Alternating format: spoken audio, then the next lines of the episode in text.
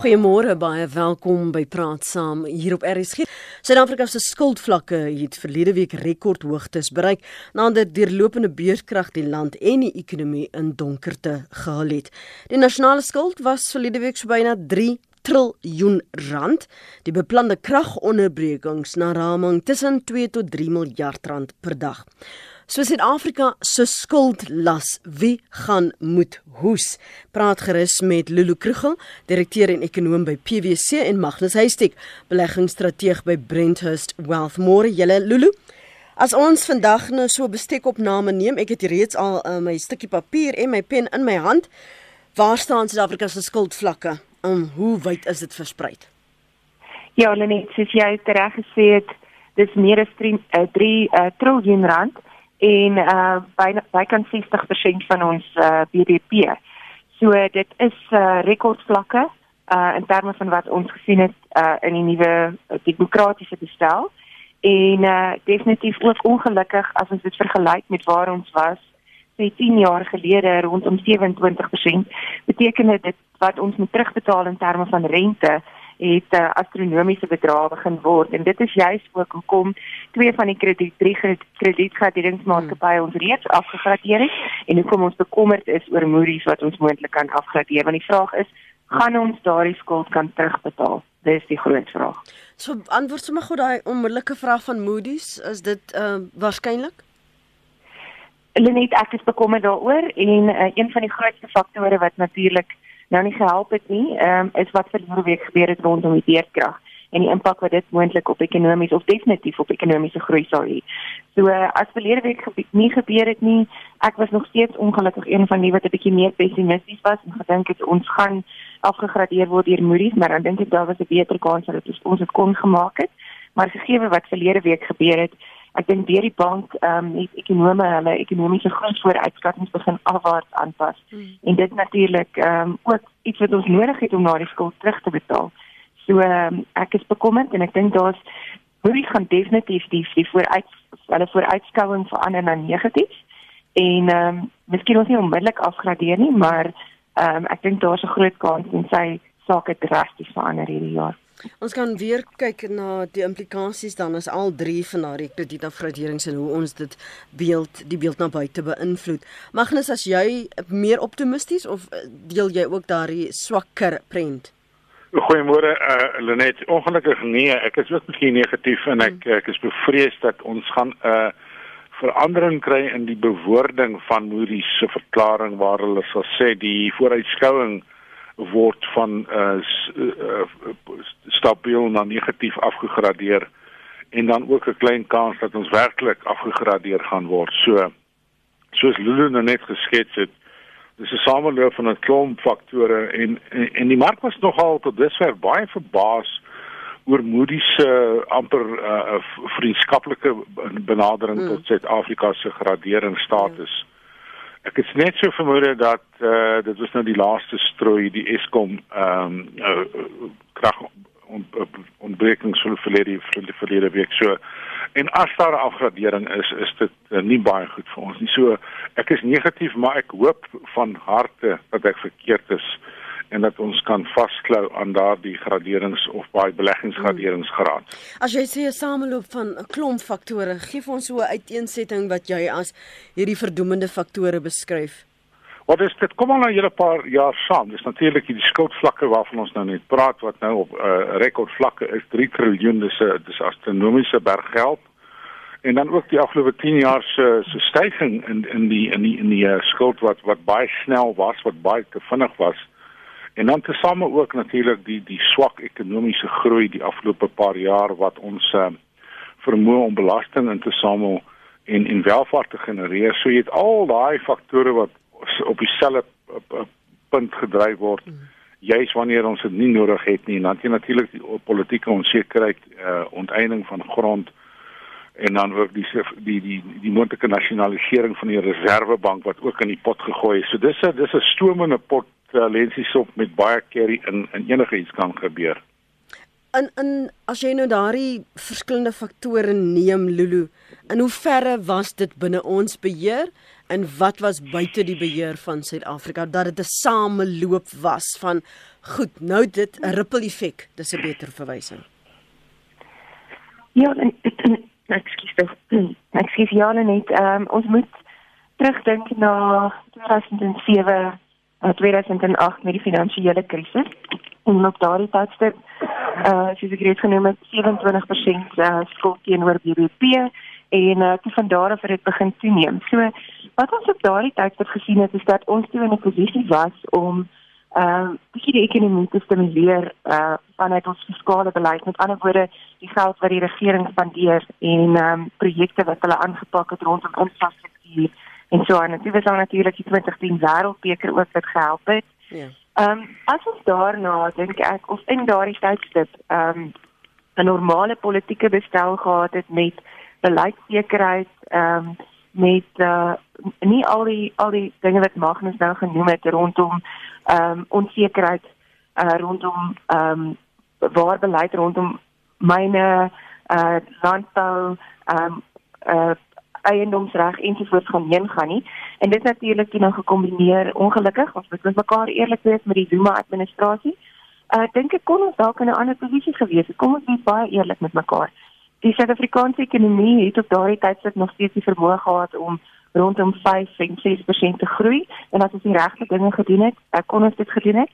Ja, daar is internasionale faktore wat 'n rol speel, ons kan dit nie ignoreer nie, maar ek dink 'n uh, ongelukkige baie groot deel uh, van die probleme wat ons op hierdie stadium uh, het, kan ons voor ons eie deur lê. Ek meen ons ons kyk net na Eskom en uh, en die ja. besluite wat geneem is daar en die impak wat dit het op elektrisiteitsvoorsiening.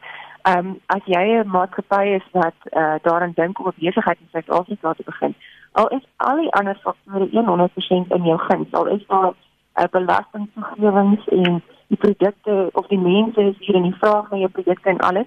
As jy hier wil vervaardig en jy twee keer daaroor dink en jy gedink gaan ek kan toegang kry tot elektrisiteit. So boonbehalwe net uh, die onderbrekings waarmee ons sit, is dit besig om baie duur te raak uh, om toegang te kry tot elektrisiteit in Suid-Afrika uh, relatief tot wat dit was. Ek meen ons is een van die lande wat wat werklik goedkoop elektrisiteit gehad het.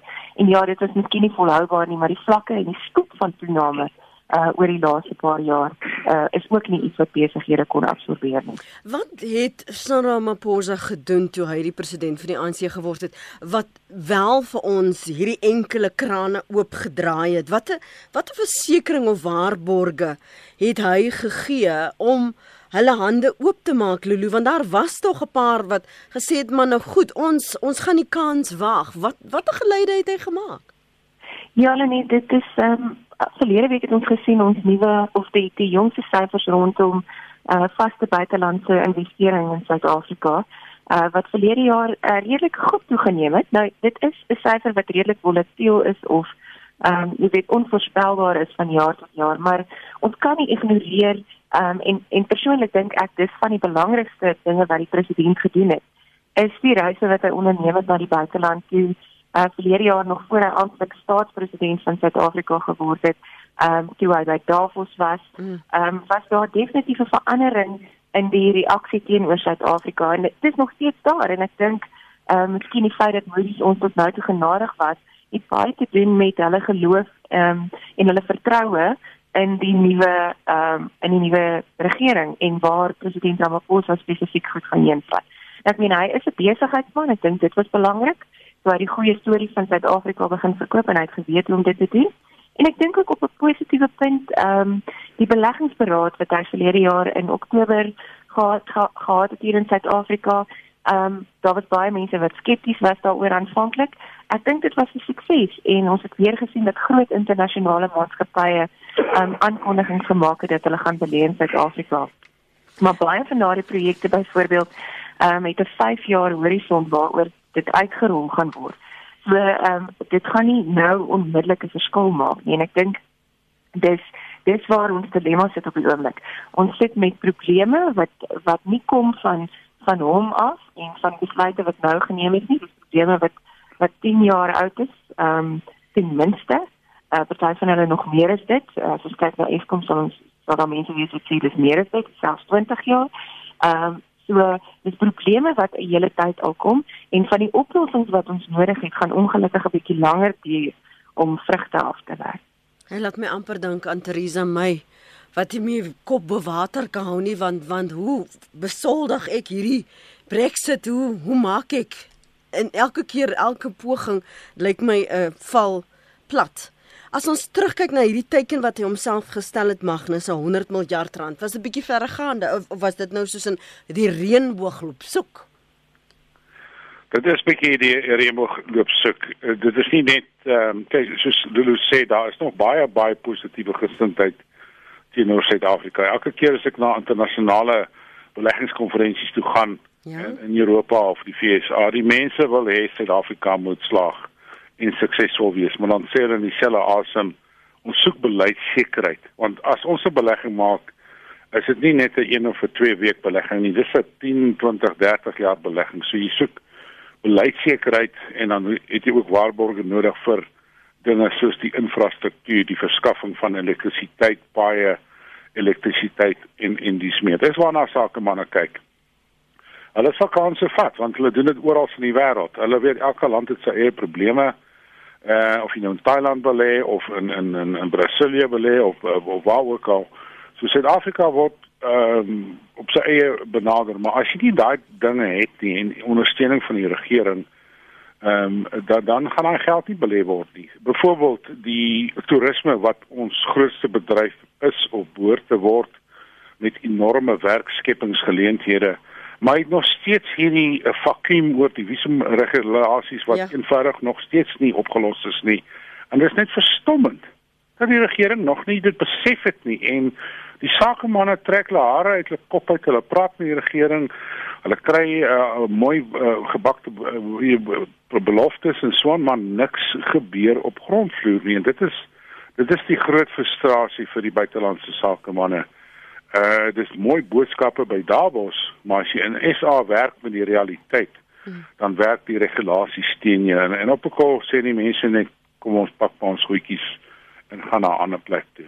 Het ons vir te lank veral in daardie Zuma era Magnus te veel na binne gekyk te veel klem gelê op BRICS lande byvoorbeeld. Um en nie genoeg uitgereik nie want ons het hierdie ideaal gehad of of liewer die persepsie gehad van FSA Europa Westers wil vir ons kon vertel hoe ons dinge moet doen. Hier is waar ons moet bou. Dis 'n baie goeie opsomming wat jy nou gesê het. Dit was asof ons wegbeweeg het van ons tradisionele uh uh beleggers van Europa wat enorme beleggings oor baie dekades en eeue aan in Suid-Afrika gemaak het. En nou gaan 'n uh, witbroodjie bak by by die BRICS uh, notering en maar ons het nog nie groot beleggings gesien nie.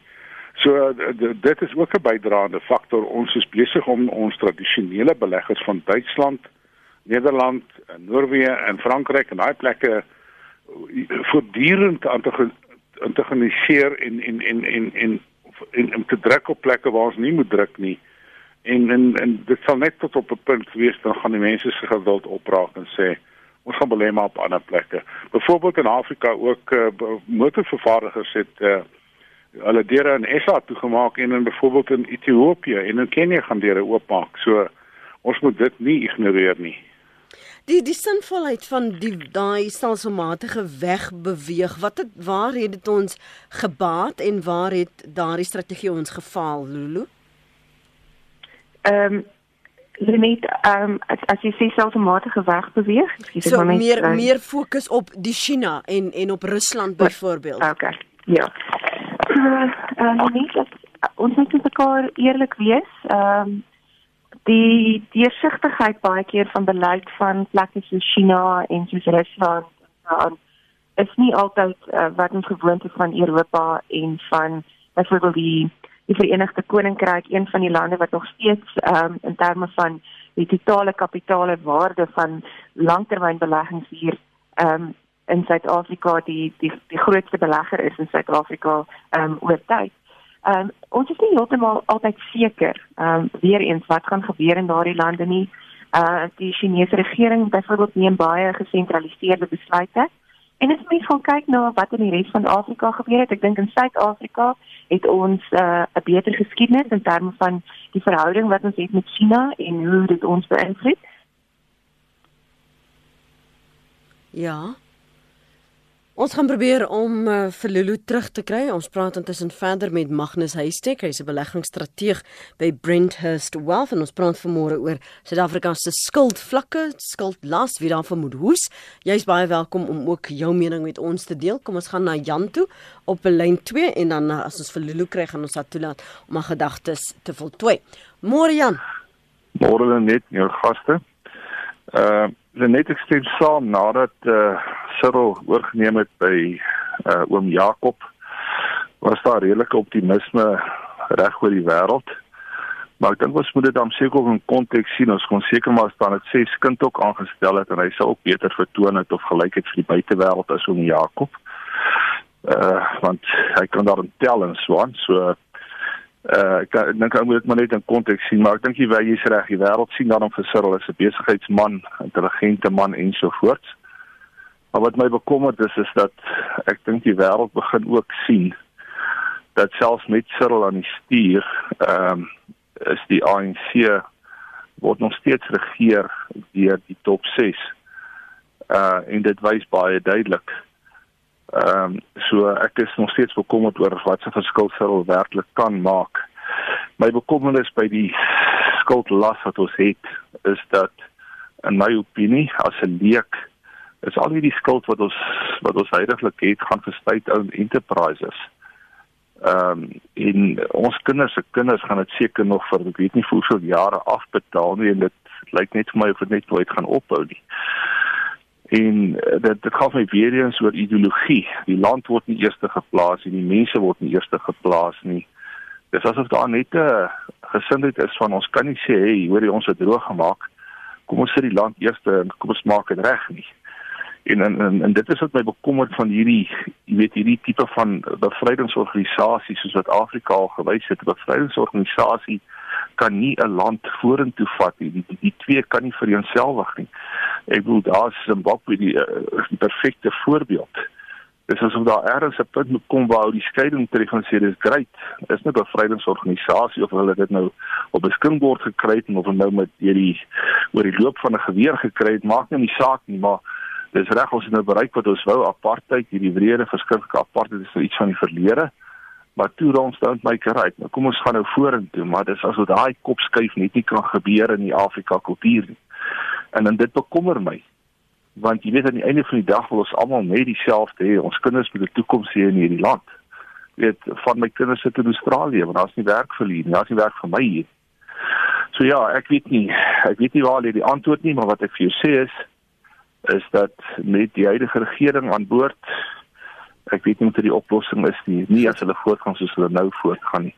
Dankie vir jou uh, gesprek um, in jou in jou oproep Jan ek het uh, aandagtig geluister wat jy sê. Kom ons hoor gou wat sê uh, Lulu Lulu ek wil net terugkeer na het ons vir te lank na binne gekyk en staat gemaak en hoekom juist aanhou vry na China en Rusland en dan kan ons die ander aspekte wat Jan die twee uh, aanraak? Ja, net ehm um, soos uh, ek weet nie presies waar ek ongelukkig weggeraak nie, maar ja, China en uh van die As Asiatiese lande en uh, ook as mens kyk na Rusland, Rusland al vir jare 'n ekonomiese krag, maar China 'n nuwe ehm um, 'n nuwe krag vir die laaste 20 jaar of so op die toneel verskyn het. En die res van die wêreld natuurlik kyk almal daarna en probeer almal verstaan hoe hulle verhouding met China moet lyk en ook nou deesdae Indië wat hmm. ook 'n groeiende ekonomie is, maar natuurlik baie anders as China is. Uh, vir Suid-Afrika het dit voordele. Ehm um, daar is baie van uh, byvoorbeeld die produkte wat ons in Suid-Afrika myn en in die res van die kontinent uh wat China nodig het maar dit beteken nie soos Magnus vroeër gesê het dat ons ons uh, tradisionele handels uh, vennote moet vervreem in die proses nie baie van daardie lande uh vir al die Verenigde Koninkryk, Duitsland, uh die VSA is lande wat al vir vir jare in Suid-Afrika belê en wat ook nie net korttermynbeleggings hier gemaak het nie.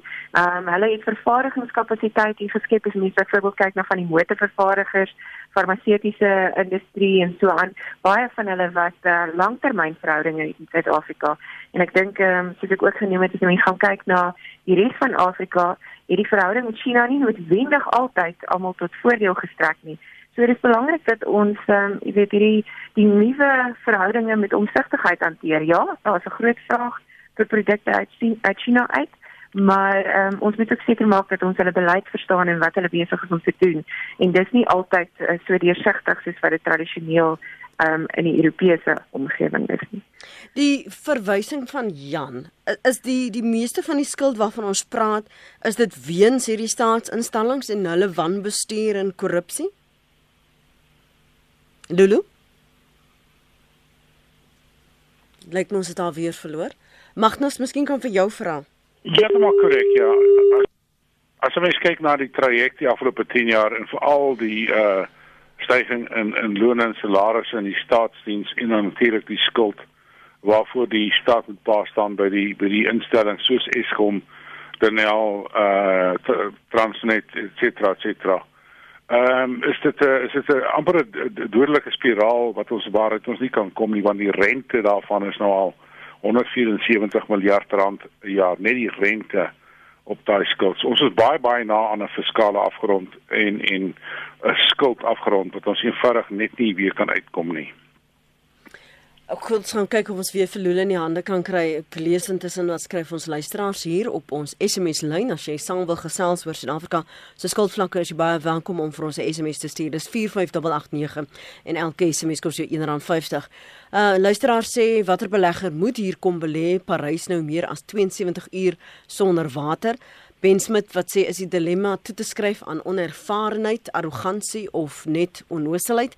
Uh een sê die meeste mense op voedselvlak weet nie eens wat Brexit is nie, never mind BRICS.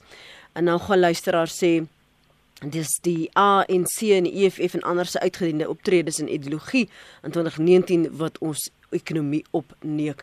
As jy saam wil gesels, as jy welkom, jy kan ons ook bel 0891104553. Maak seker jy het ligtyd en jy's op 'n goeie plek waar jy 'n sterk sy net om saam te gesels. Lulu, as jy terug? Ek is terug Lenet. Lyk my die oomblik as ek oor Eskom begin praat en sny die lyne. Moenie sulke goed sê nie want dis dalk dalk telkom ook of of of jou jou jou diensverskaffer. Kom kom net gou terug na die in in hoe ver want uh, Magnus het daar aangeraak. Kan ons dit alles hier skuldvlakke voor die deur van hierdie wanbestuur van ehm um, die SOUs van die staatsinstellings laat? Lenet, uh, uit die aard van die saak nie alles nie, maar kom ons wees nou maar eerlik met mekaar, 'n baie groot deel daarvan ehm um, as jy gaan kyk na hoe die staat se blootstelling aan staatsskuld die laaste paar jaar toegeneem het spesifiek vir Eskom en natuurlik ook vir SA, SAL. Ehm um, beide van hierdie twee instansies uh ongelukkig veral Eskom 'n baie groot deel uh uh toe uh, baie groot aandeel gehad aan die skuld wat ons op hierdie stadium sien en natuurlik ehm um, die feit dat hulle net nie op haar punt kom wat dinge omdraai ehm um, en dat hulle volhoubaar op hulle eie begin ehm um, begin funksioneer nie. Want dis natuurlik wat 'n mens wil sien, is daar 'n inspuiting in die regering of om te sê ons help uit ehm um, dan uiteindelik moet jy op 'n punt kom waar hierdie instansies op hulle eie volhoubaar kan funksioneer en ons kom net nie daar nie. Kom ons hoor wat sê Roland. Ek hoop ek spreek jou naam korrek uit môre. Goeiemôre Lenet van der. Goed, dankie en jy?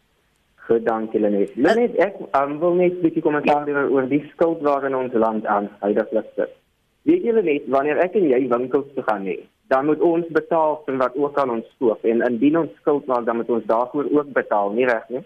Net so. So, so ek voel die mense verantwoordelik vir die skuld moet vir die skuld betaal. Ek meen dit is bietjie onregverdig om te verwag van mense in hierdie land om vir skuld te betaal wat eintlik maar deur die regering aangegaan is sonder dat hulle by ons gevra het of ons hierdie skuld wil. Mm -hmm. Ek meen so, hulle moet maar van hulle salarisse daai miljoene wat daar in die bank lê en wat wie weet nog waar lê, bietjie van dit gaan uitskraap en terugbetaal wat hulle gemaak het, jong. Ek dink nie ons ek meen ons sit op, ons salarisse kan jy skaam by die werk kom en nog kos koop aan die einde van die maand. So daar is nog geld om vir hierdie bouunits die skuld ook te betaal. Nie so die ANC moet daai miljoene, biljoene daai wil SASSA en wie weet wat nog wat daar aan gaan hulle maar daai geld is opdok en betaal. Goed, dankie Roland. Mooi blag vir jou.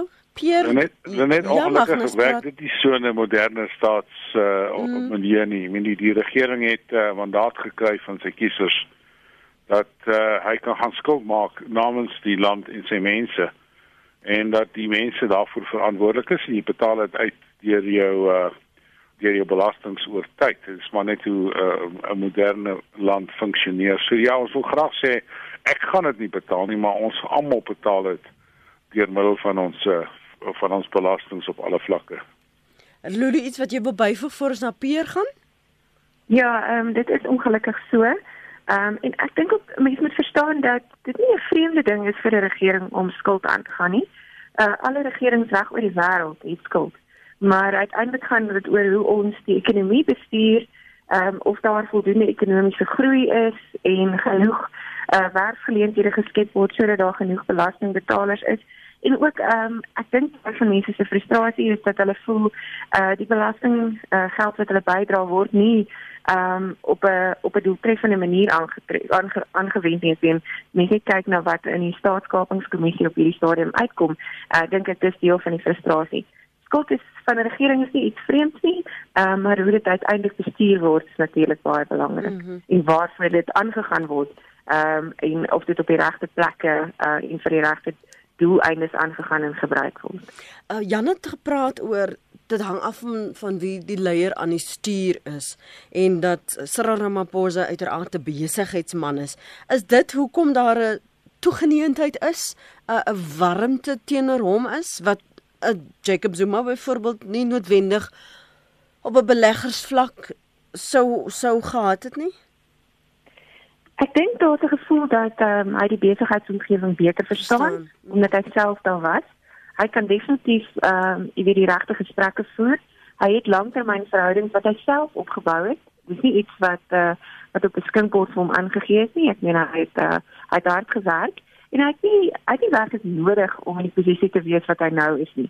Ek meen hy sou 'n baie suksesvolle besigheidsman nog steeds gewees het. So ek dink dit alles ehm um, maak dat daar ehm um, soos jy sê, meer toegeneentheid teenoor hom is, dis verhoudings wat hy reeds gehad het. En ook as jy kyk na sy raadgewers, ehm um, is dit mense wat uh, wat verstaan het vir die besigheidsomgewing, maar wat ook nie blind is uh, vir die sosiale probleme wat ons in Suid-Afrika het nie. Ek dink die groot ehm um, groot uitdaging wat hy voor hom het is die verdeeldheid uh binne die ANC en rondom beleid en dat almal nie noodwendig met hom saamstem in terme van wat dit is wat hy probeer bereik in Suid-Afrika nie. Jan en Pier, hou net gou vir my aan Jan Pier, jy's op lyn 3 sien ek. Môre Pier? Môre Lenet. Lenet, ek was 10 jaar lank op die stadsraad. Ja. En die hele die hele ding lê by stadsrade is daar's die die grootste eh, party wat die aandeel het in die stadsraad. Hulle wil nie die mense laat dagvaar nie om hulle geld terug te kry nie, want hulle is bang die mense stem nie weer vir hulle. En ek en jy wat belasting betaal, en ons water en ligte betaal. Hulle vat ons geld en hulle betaal hulle salarisse van die van die raadslede en die munisipale werkers daarmee. Die geld gaan nie na Eskom toe nie. As hulle daardie mense dreig en hulle uh hulle uh hoe se mes skryf hulle aan dat hulle hulle rekenings moet betaal op dreig hulle dat hulle op die swart lys gaan kom en dat hulle iets doen om die geld in te vorder as 'n ander saak. Maar hulle ons is hoeveel keer het ons gesê op Heidelberg dagvaar die mense. Nee, die ander party, die grootste party sê nee, ons kan nie die mense dagvaar nie want dan stem hulle nie weer vir ons. Dankie hoor. Goed dan. En Jan, jy wil spesifiek praat oor die skuldvlakke. Hallo, uh uh Lenet, is dit hier môre? Ja, is ja. Maar môre aan Magnus ook. Maar net ek is 'n bietjie verward nou met die getalle. Mm -hmm. Jy sê 3 biljoen. Ag, 3 uh uh triljoen. Maar dit dit kan nie wees nie, want as jy 3 triljoen deur die wêreld se bevolking deel, dan kry jy 300 biljoen 300 met 12 14 nulle. En is dit nie 3 uh uh biljoen nie. 'n miljoen miljoen is 12 nulle. As jy dit deel Suid-Afrika se bevolking van 50 miljoen deel, dan kry jy omtrent 60 000 rand skuld per persoon. Want as as jy 'n miljoen miljoen is 'n biljoen. Dis 12 nulle. En 'n biljoen biljoen is 'n triljoen met 24 nulle. Dit kan nie 24 nulle wees nie. Ek het al die tabel vir Magnus gestuur 'n paar jaar terug al. Want uh, dit is heeltemal verwarrend. Uh, want uh, uh, Magnus ek weet nie of jy kan onthou nie. Ja, ek kan onthou. nee, daar is daar is 'n onduidelikheid of dit nou presies wat is 'n triljoen, maar ek ja, dink in die algemeen hulle die Amerikaners het begin om dit te verander. Goed, want hulle Jan, kan nie Jan, ek laat Magnus gou beantwoord dat ons uh, die bietjie te ander tyd uh, beter kan Ons het aanvaar 'n triljoen is 'n uh, 1000 miljard. So jy het nou 3000 miljard rand se skuld is is uh, 3 triljoen soos hy Jan sê dis 54000 rand per persoon in Suid-Afrika. Dit is so 'n bietjie verwarrend, maar kom ons kom ons los dit nou daarby. Dit is dit is nog steeds 'n berg geld wat ons skuld en wat terugbetaal moet word. Dis 'n paar Everest. Is dit nie 'n berg nie? Sommige van ons sukkel, sommige van ons sukkel soos Jan en, en dit is interessant dat een van die luisteraars, uh, ek het 'n 'n meme gekry verlede week wat sê, "Kom probeer jy nou, nou weet jy waarmee Jacob Zuma Zuma gesukkel het. Probeer jy om dit uit te spreek as jy al daai syfers in nommertjies sien." Correct, dis 20 ja. minute voor 9 as jy nou hier by ons aangesluit het. Dis die stem van Magnus Huystek. Hy's 'n beleggingsstrateeg by Brenthurst Wealth. Ons praat ook met Lukrigel. Sy's direkteur en ekonoom by PwC en ons praat oor Suid-Afrika se skuldlas waar die prioriteite lê. Die teiken is 'n 100 miljard dollar wat die president, die liewe president wil insamel, maar hy sukkel natuurlik met verdeeldheid binne sy party. Ons hoor uh, albei gaste sê daar moet beleidsekerheid kom. So waar begin ons hierdie olifant te eet? Uh stukkie vir stukkie sê almal wat dan nou diep uh, sinnig is. Maar waar begin jy heel eerstens Lulu? Hulle net ek dink dit ehm um, jy praat met beleggers, ehm um, gaan hulle miskien ander behoeftes hê as miskien Jan Alleman op straat. Ehm um, as 'n mens gaan kyk na die algemene publiek waar ons die meeste met die regering en sy werksamehede in aanraking kom is natuurlik op grondvlak binne ons munisipaliteite met die voorsiening van dienste. So ek dink dit gaan rondom ehm um, rondom uh, die kiesers en die Suid-Afrikaners self en die gewone man op straat, uh, is dit is dit waar die belangrike dinge moet reggemaak word. Ehm um, as dit gaan rondom buitelandse beleggers en wat daar gebeur, daar's natuurlik 'n bietjie oorvleeling, as mense byvoorbeeld gaan gaan dink aan elektrisiteitsvoorsiening. Dit is natuurlik vir Jan Alleman op straat sowel as die buitelandse belegger uh, belangrik, maar vir die buitelandse belegger uh beleidsekerheid ehm um, soos Magnus reeds keer op keer gesê het. Ons het self ook gekyk ehm um, en op 'n op 'n ekonomiese vlak na die tendense gaan kyk en gaan kyk wat het die laaste 15 jaar ehm um, buitelandse beleggings in Suid-Afrika die meeste beïnvloed. Ja. En uh, beleidsekerheid is is heel bo ehm um, aan daardie lysie. So dit is belangrik om te sê dit is wat ons gaan doen, dit is hoe ons dit gaan doen en ook seker te maak dat ons die regte mense het om dit te implementeer want in baie gevalle het ons wonderlike beleid reeds geskryf. Dit is daar dit is op die tafel uh, maar die implementering is 'n probleem. Of soos Magnus ook vroeër gesê het uh, rondom die visas.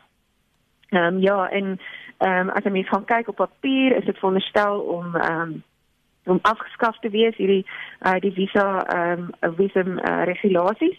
Maar as mense met mense praat wat deur die lughawens bekom en ehm um, en na Suid-Afrika toe kom dan sê hulle maar hulle word nog steeds vir dieselfde dokumentasie gevra. Hmm. Ehm um, as ons gaan kyk na klein besighede, ehm um, ons het die stappe in die registrasieproses dramaties verminder, maar nou sê mense vir ons dit vat ons nog steeds twee keer so lank. So dis die beleid en dan uiteindelik of die regte mense daar is om dit te implementeer as ons mens gaan kyk na beleggers. So ehm um, dis 'n bietjie van ek dink verskillende maniere en verskillende vlakke ehm um, wat eh uh, wie ook al uh, in die in die, in die stuur van sake sake gaan staan na die verkiesing dan moet jy om eerstens die harte van van Suid-Afrikaners uh, terug te wen en en dan uh, Suid-Afrikaanse uh, burgers die algemene publiek Suid-Afrikaanse besighede en dan spesifiek uh, buitelandse beleggers. As jy ek weet of jy kan onthou nie meer het gesê dan was so die ehm um, verskillende faktore wat die beleggers die laaste ruk beïnvloed het. Ehm um, behalwe die beleidssekerheid waarna jy verwys het, kan jy nou wat anders nog op daardie lys was wat hulle beïnvloed het?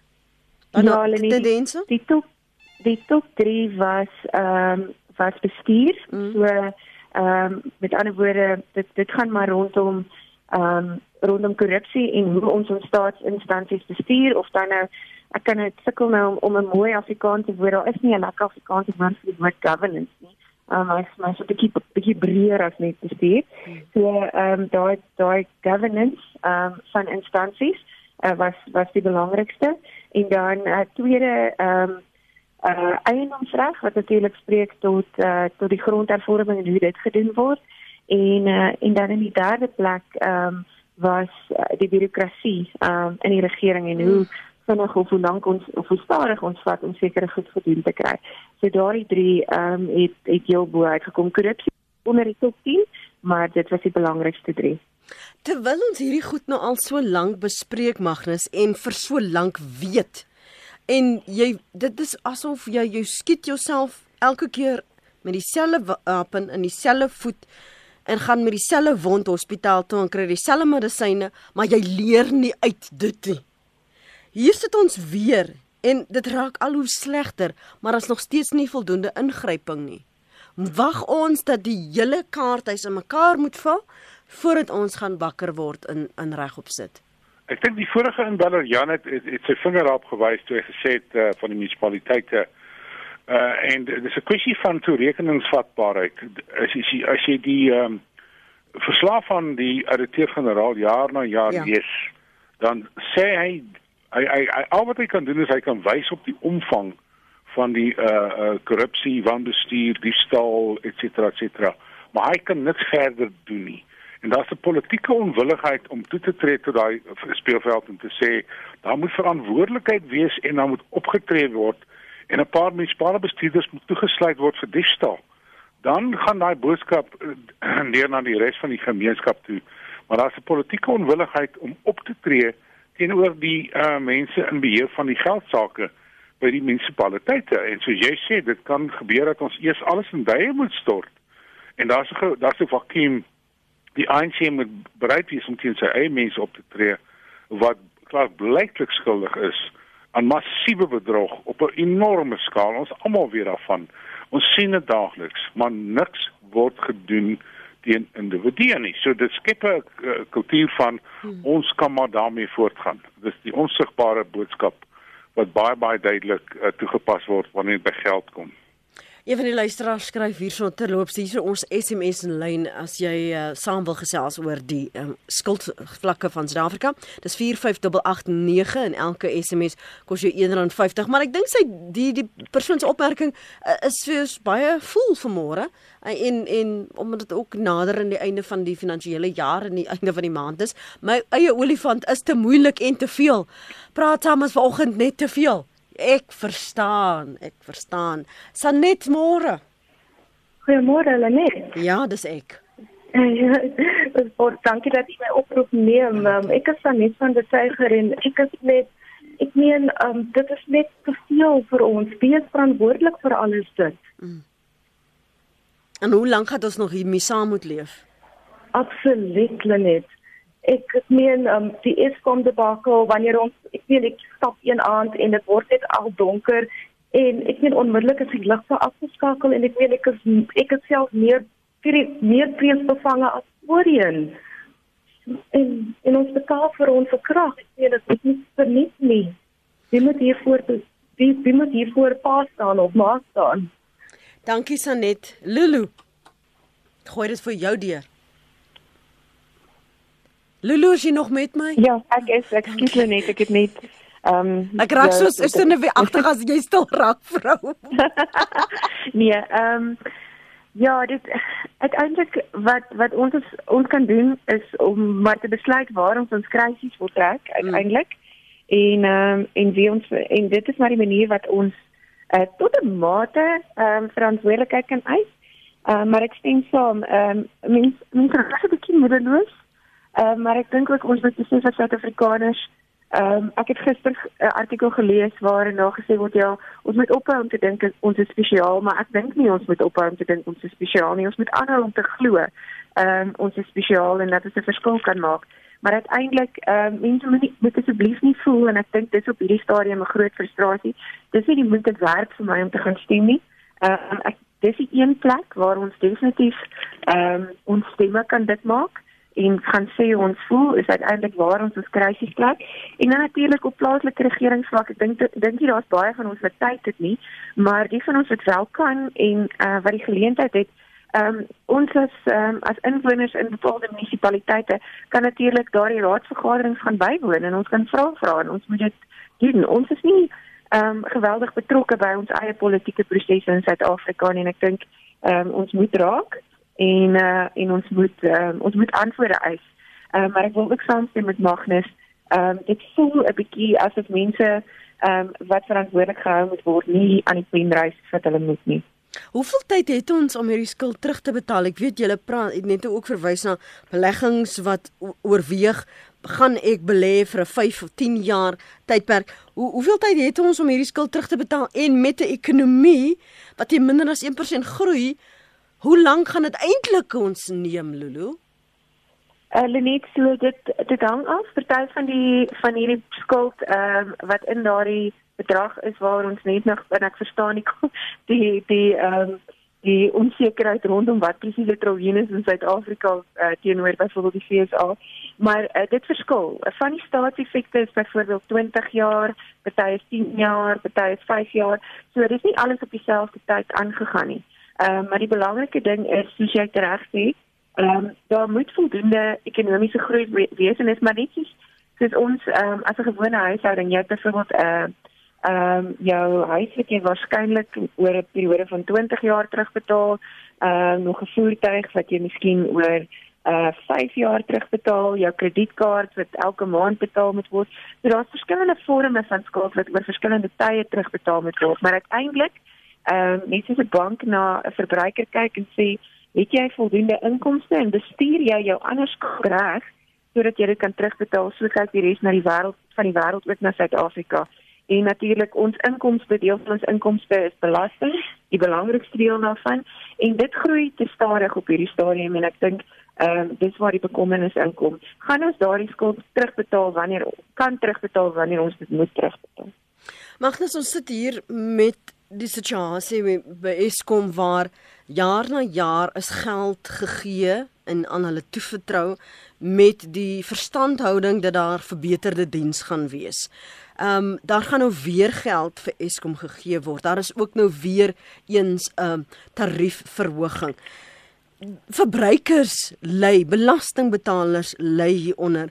Hoe maak ons seker dat die geld wat dan nou so telke male gegee word en gesê word hierdie is die ooreenkoms en dis die verwagtinge. Nou is hier 'n taakspan en dit is wat ons van jou vra en hieraan moet jy voldoen. En dit geld nie net vir Eskom dit gaan vir ander instansies ook. Hoe maak ons seker dat ons geld word nie meer so opgeëet nie? Wel dis dis jy's ons magteloosheid. Want soos jy sê dit is 'n ou storie. Men ons kyk na SAA wat hoe oor oor hoeveel jare sê elke minister van finansies dis nou die laaste check vir SAA en dan oor 2 jaar is hulle weer bankrot, dan kom hulle kry hulle nog 'n lening en nog 'n lening en nog 'n lening. En dis dieselfde met Eskom. Ons is polities uh amper magteloos tussen die hande van die regerende party. Daar's geen toerekeningsvatbaarheid nie en dit is 'n ekonomiese ramp.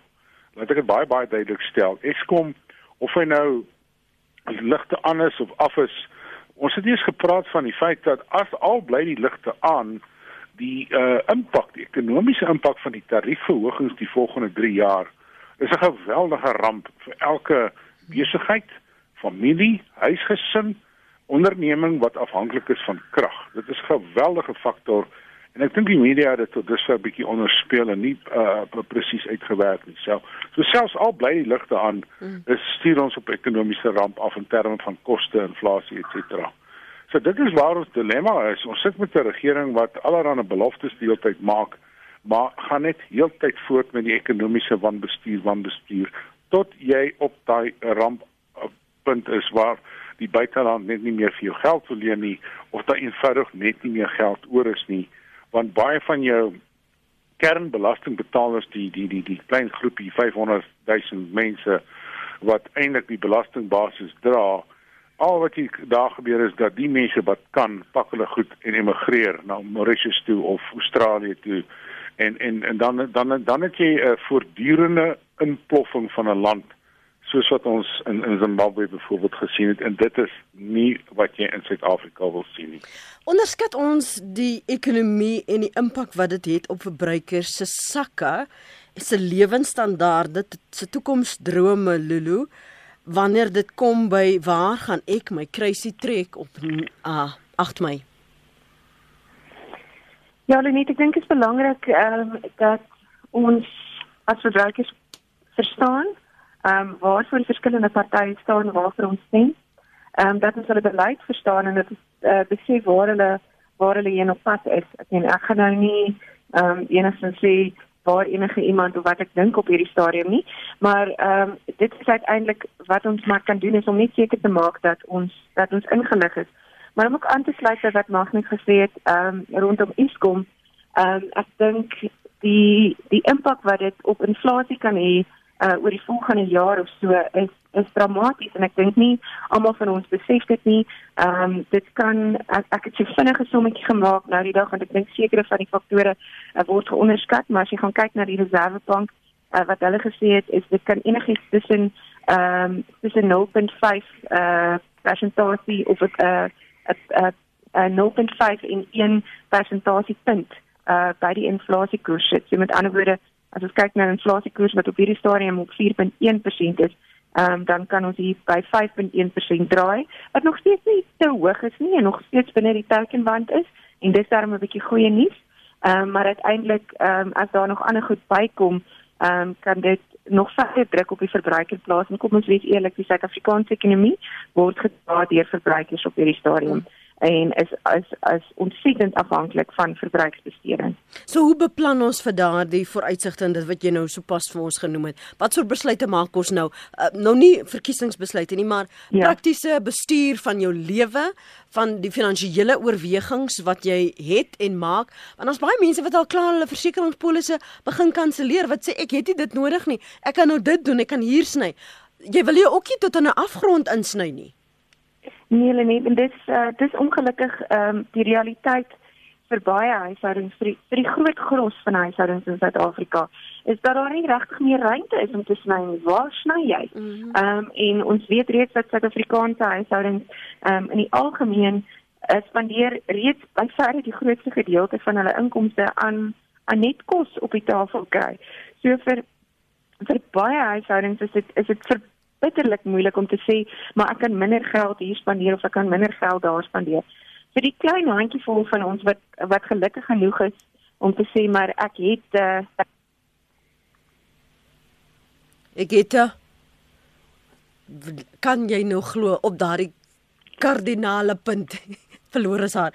Dankie Magnus vir julle bydrae vanoggend. Magnus Huystek is 'n beleggingsstrateeg by Brenthurst Wealth en die Lukrigel direkteur en ekonom by PwC. En baie dankie uh, dat julle met ons geduldig was. Ons het vir Lulu herhaaldelik probeer terugkry. Seker man het 'n swak sein. Dis waar aan ons dit toeskryf. Kan nie nou weer sê die beerdkrag nie, want ons het nie by oomblik beerdkrag nie. Maar as die water weer pla en die ligte en die syne dan moet ons tog iemand blameer. Ons sê man is 'n swak lyn. Dankie vir julle terugvoer, dankie vir die eh, kommentaar op ons SMS lyn